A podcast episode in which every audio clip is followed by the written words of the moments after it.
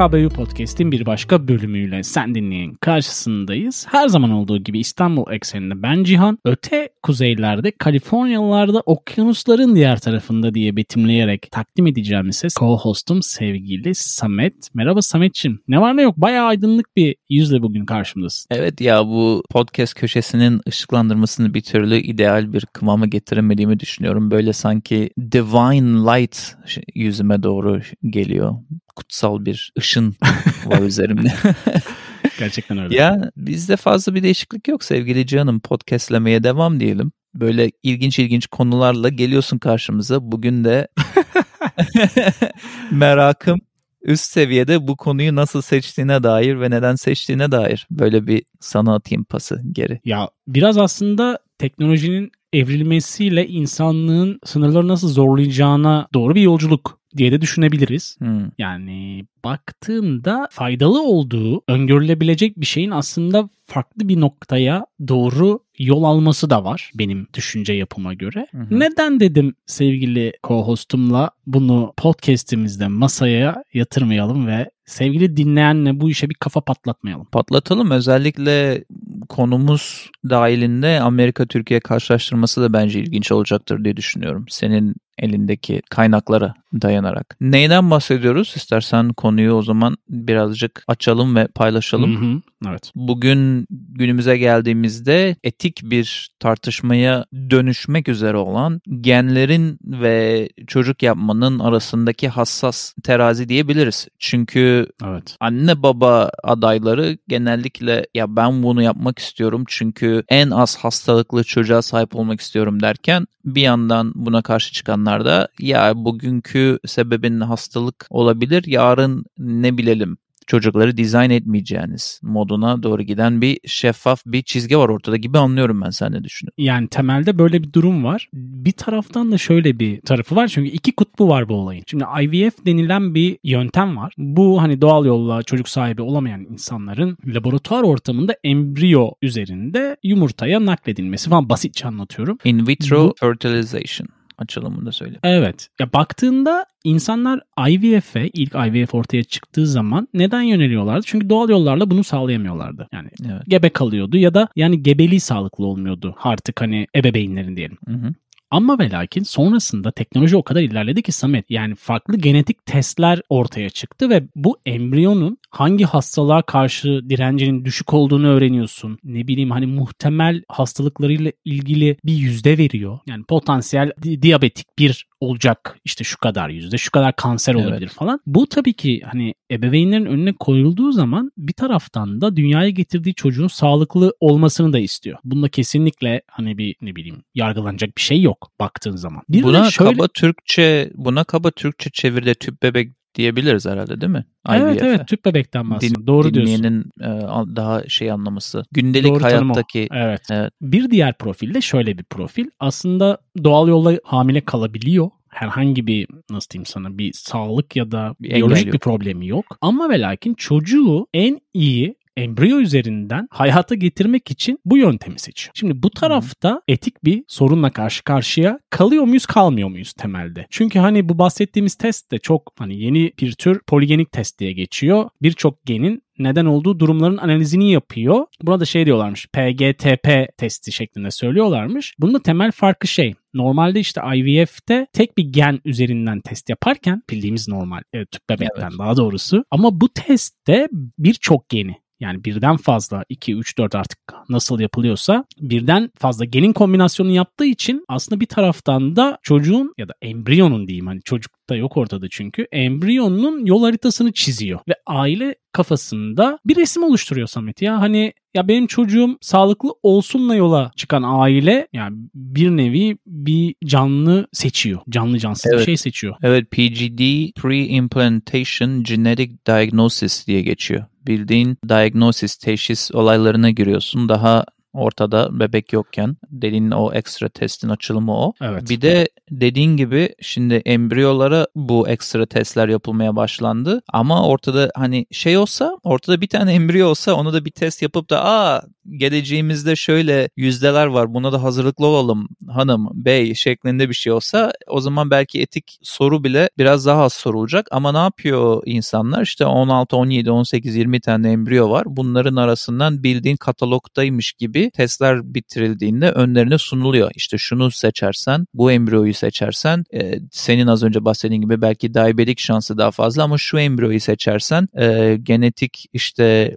e, ne bileyim sırt ağrıları olacak olan bir çocuk olabilir. Bir şeyler bir şeyler hani hepsinin Mesela bir tane videoda senin bende paylaştığın bölüm öncesi videoda e, bir çift vardı. İlk çocuklarını e, başarılı bir şekilde dünyaya getirememişlerdi. İkincisinde e, bu dediğin ekstra testleri yapmışlardı ve röportajı yapan kadına diyordu ki hani burada 20 tane farklı profil var ve hepsinde de 20 farklı profilde de farklı bir yüzde var. Hangi hastalığın evet. veya genetik disorder'ın, genetik problemin ortaya çıkması. Yani neredeyse felaketler içinden felaket beğeniyorsun gibi bir şey oluyor aslında piyango yerine. Yani baktığın zaman da hani o yüzdelerin tabii ki bir doğruluk payı vardır diye düşünüyorum. Tabii. Ama kesin yani. yani kesin bir sonuca da vardırmayacak datalar bir taraftan. Ama tabii sonuç ki. olarak hani tüp bebek kısmından konuşuyoruz tabii ki bunu. Çünkü laboratuvar ortamı gerekiyor bu analizler için. Yani insanların önüne konulan şey ne kadar etik dedik biraz önce. Bunda sadece bir tane şirket yapıyormuş sanırım Amerika'da. Doğru değilsem düzelt beni. Onların bakış açısı da hani ben bu testi yapıyorum. Yani yapabiliyorum ya da benden talep ediliyor. İşte ne bileyim diyabet 1 çıkıyorsa ya da bebeğinin embriyonun diyabet 1 potansiyeli yüksekse ben bunu işte ebeveynlere söylemeliyim den yola çıkıyor ama tamamen bir taraftan da bu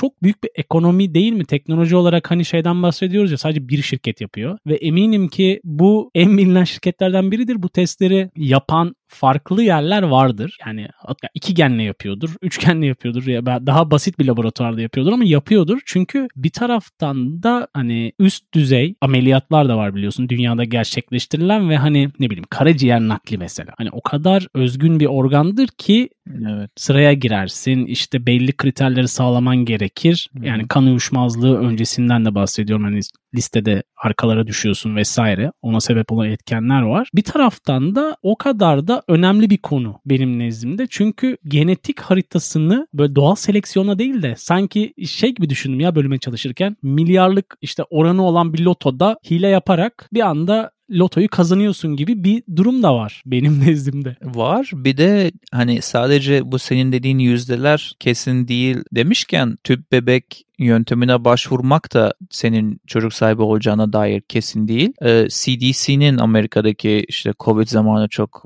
gündeme gelen CDC departmanının verdiği verilere göre de her 100 çiftten 12 veya 13 tanesi sıkıntı yaşıyormuş bu hamile kalabilme ve evet. bunu ortaya çıkarabilme durumunu tüp bebekle. Dolayısıyla hani böyle %100'lük bir şey değil bu. Bir yöntem değil. Bir de hı hı. 35 ile 37 yaş arasında olan 2017'deki bütün bunu bu yöntemi seçen kadınlardan %34'ü IVF yöntemine başvurmuş. Bu da bana çok yüksek geldi. Yani düşünsene 2017'de çocuk doğuran kadınların %34'ü IVF'e başvurmayı tercih etmiş. Senin dediğin gibi bazıları belki Hı-hı. zorunluluktan başvurdu. Bazıları da sadece ben bunu karşılayabiliyorum deyip neden olmasın aradan bir embriyo seçeyim deyip de bunu başvurmuş olabilir.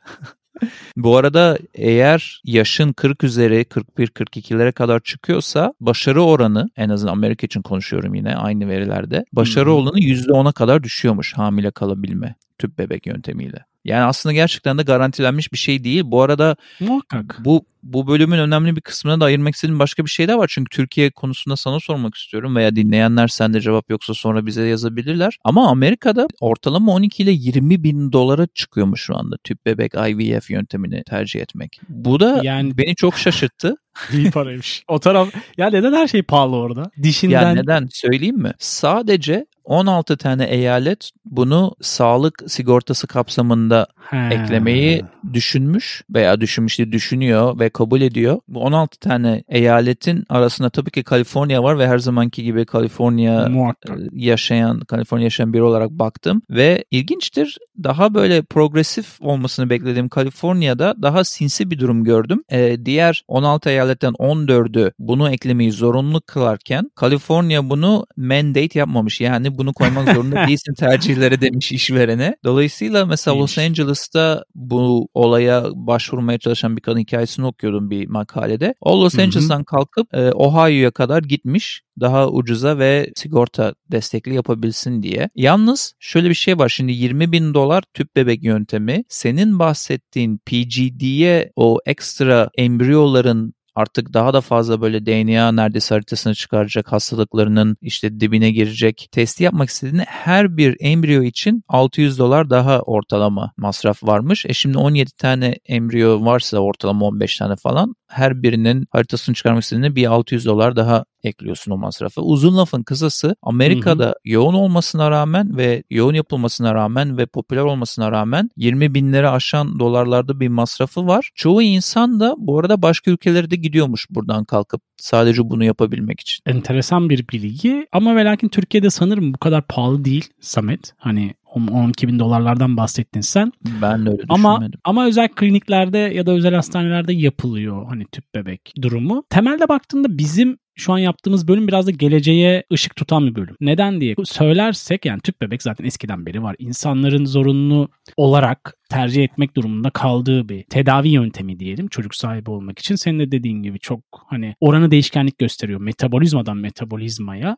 Ama burada önemli olan işte bu bahsettiğimiz PGTP test. Bu test bakalım zaman içerisinde ne kadar yaygın olacak. Şöyle düşünebilir sevgili dinleyen artık belli bir yaşın üstünde zaten gebe olan kadınlara bir genetik test yapılıyor bu kan Hı hı. üzerinden. Ama bu hani o artık hani laboratuvar ortamındaki bir embriyoya değil de annenin karnındaki canlıya yapılıyor, bebeğe yapılıyor. Baktığında bence bu tarzıyla yapılması gerekiyor çünkü risk arttıkça karşılaşacağın ne bileyim bunlar bu arada sendromsal testler hani şey değil hastalık testi değil de çocuğun herhangi bir sendromu var mı şeklinde testler. Yani kanser ya da diyabet testi değil. Ama PGDP özelinde bu test yaygınlaşırsa ki senin bahsettiğin rakamlar aslında çok yüksek rakamlar değil yani hani bir testin 600 dolar olduğundan bahsediyorsun ki insanların tercih etmesi de çok da şaşırtıcı değil. Hani IVF yaptığın zaman 20 bin dolara yakın para veriyorsun. İşte ne bileyim bir 3-4 bin dolar daha ver 600 verirsin. da, evet evet biraz daha belki Yani. daha fazla bilgi sahibi. Ama temelde teknolojinin gittiği yer beni korkutuyor.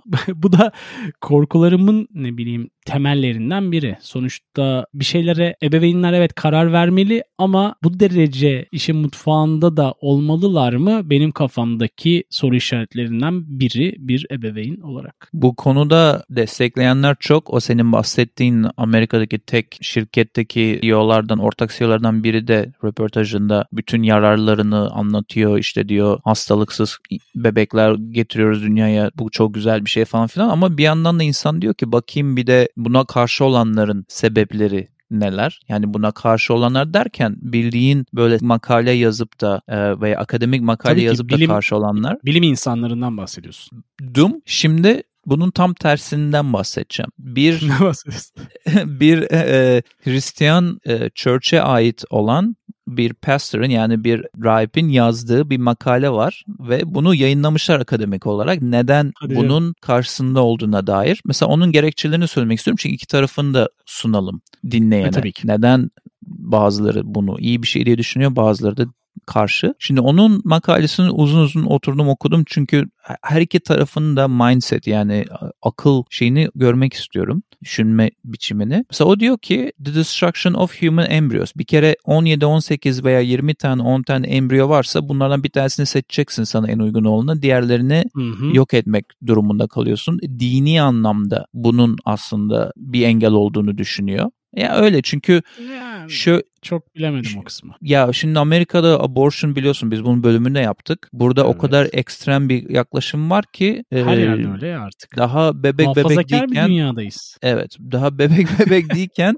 bebeğin canlı olduğuna dair bir, bir görüş bu. O yüzden bunu böyle söylüyor. Tamam doğru. Diğer üzerinde durduğu sebeplerden biri marital act'in yani procreation'ın ortaya çıkmaması Türkçeleştireyim. Yani bir anneden örnek alınıyor, bir babadan örnek alınıyor. Bunlar orta, hücreler birleştiriliyor bilmem ne. Senin evlilik için veya işte yaratılış için meydana gelen durumu yani uzun lafın kısası seksi yapmaman ayrı bir sebepmiş. Yani bunu ortadan kaldırdığı için bu arada çok muhafazakar bir yönden bunu konuştuğumuzu unutmayın. Yani adam diyor ki arkadaş evlilikte seks önemli. Buna devam etmeniz lazım. Bu tarz genelde kiliselerin insanları da korunmaya da karşı oldukları için günah sevap anlamında. Hani bunu çocuğu bunu deneyerek yapın diyor. Neyse diğer üzerinde durduğu sebep. Ya ben bunları söylemek istiyorum çünkü Amerika'da bu tarz kesimler Düşüncede çok olan az değil değil mi? az değil ama bu tarz kesimde ve poz- güçlü pozisyon olanlar da gerçekten çok birçok insanı etkileyebiliyorlar. Yaptıkları şovlarla, televizyonla, videolarla, kilisede her sabah, her pazar sabahı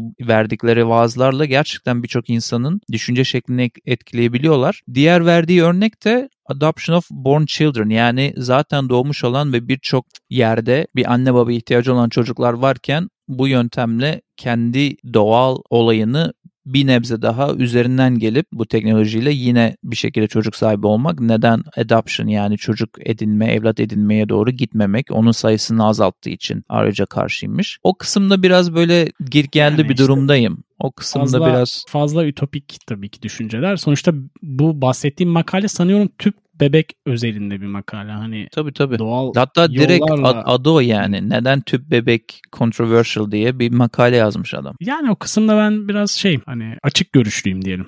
Ay, yani tüp bebek konusunda. Bence çocuk sahibi olmak isteyen çok insan var.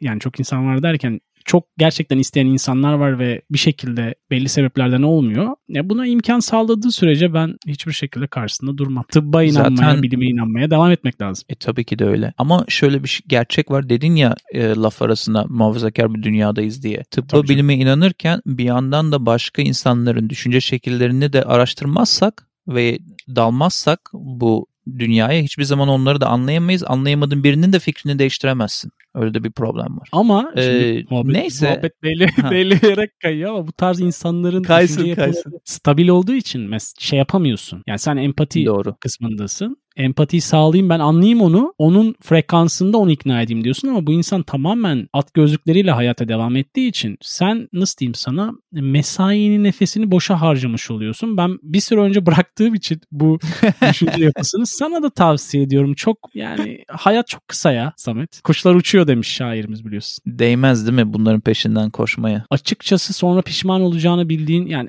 aynı sonucu göreceğin için çok da fazla ne bileyim denememek lazım. Ya şöyle bir ikilem var. Şimdi hazır böyle derin muhabbete dalmışken bu insanların fikrinin değişmesinin çok zor olduğuna katılıyorum. Ama teknolojinin de free float yani önü tamamen açılmış kontrolsüz bir şekilde raydan çıkmasına da ben aynı zamanda karşıyım. Çünkü şu tür yani verdiğimiz örneklerde insanlar hastalıkları en aza indirgemeye çalışıyorlar ve bunu Hı hı. böyle sesli söylediğin zaman hiç kimse buna karşı durmaz. Yok ben senin illa hastalıklı bir çocuğun olsun istiyorum demez kimse. Ama Ya tabii ki. Tabii parası olanın bu dünyada her zaman var olan teknolojiyi bir adım ileriye götürüp de suyunu çıkarma potansiyeli olduğu için bunu yapabilenler ileride sanki şu anda bunun ayak seslerini duymaya başladım gibi geliyor bana. Ya sen fakirsin 20 bin dolar anca bir yere getirdin ve bu hastalık olaylarını çözmek için bazı testler yaptırdın. Belki kredi kartı kullandın, belki ödünç aldın ama bende Hı hı. bir zilyon dolarlar var. Ben neden bir sonraki teknolojiden faydalanıp çocuğumu yeni LeBron James yapmayayım modunda insanların e, çıkması bence hiç de az bir olasılık değil. Kargo'nun bir şarkısında şöyle bir söz vardı hatırlarsın. Paranoya, keder ve ağrı.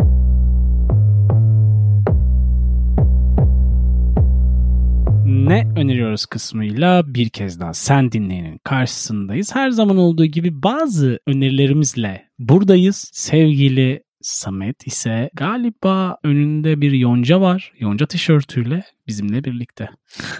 Ben bir podcast önerisiyle gelmek istiyorum önce. Podcast'ın adı The Evolving Man Podcast. Ee, ben Goreski tarafından üretilen bir podcast. Yine de uzun soluklu ve e, gayet kişisel gelişime yönelik Hı hı. e, odaklanmış bir podcast olduğu için bence birçok insan faydalanabilir. Tabii ki de İngilizce olduğu için kısıtlı bir seçenek oluyor ama yine de önemli bir seçenek olduğunu düşünüyorum. Onun dışında da HKBO dinlencesine iki tane şarkı ekleyip lafı çok uzatmadan sana vereyim. Öneriler kısmını kısa tutup. Birincisi Amanda Brown'dan Dream On. Diğeri ise Björn Rees'ten The Waves. Bu iki şarkıyı önerip lafı çok uzatmadan sana vereyim. Bu hafta kısa keseyim sevgili canım. Teşekkürler Samet'ciğim. Ben de iki tane şarkı ekleyeceğim HKBU dinlencesi playlistimize. Bir tane senin çok sevdiğin The Pineapple Thief grubundan Hmm. Demons. Diğeri Güzel ise şarkı. onu da seviyorsun sanki. Antimatter grubundan Paranova. Bunlar HKBO dinlencesi playlistlerimizde YouTube, Spotify ve Deezer'da sevgili dinleyen. O zaman istersen bu bölümü kapatırken bir tane de değişik bir şey yapıp kendi podcastimizden bir bölüm öneririm. Çünkü bilmiyorum senin aklına geldi mi ama bu böyle genetik menetik falan bunları konuşurken biliyorsun CRISPR vardı bu konuyla çok paralel olan yine gelecekle ilgili yani nereye gider bu teknoloji manasında CRISPR bölümümüz Ha, vardı. evet, İstersen evet. onu da bahsedelim. Hani bu ilgisini çektiyse insanların CRISPR'a da bir baksınlar diyebiliriz. Bir sürü bölüm olunca senin suratında şey oldu. Hangi bölümdü neyden Kaç bahsediyoruz? numaraydı ya savaşçı Kaç falan? numaraydı? Yılı kaçtı? Aynen. Bayağı bölüm oldu. yolculuk bölümlerinden biri. Evet. Aynen aynen. İstersen bir önceki bir sonraki bölümlerde görüşmek üzere diyelim. Aynı zamanda sosyal medyadan hkbpodcast.com adresinden bizi de takip etmeyi unutmasın sevgili dinleyenler. Her zaman Cihan'ın da demeyi çok sevdiği gibi bizimle yolculuğa devam ettiğiniz için teşekkürler. Hoşçakalın.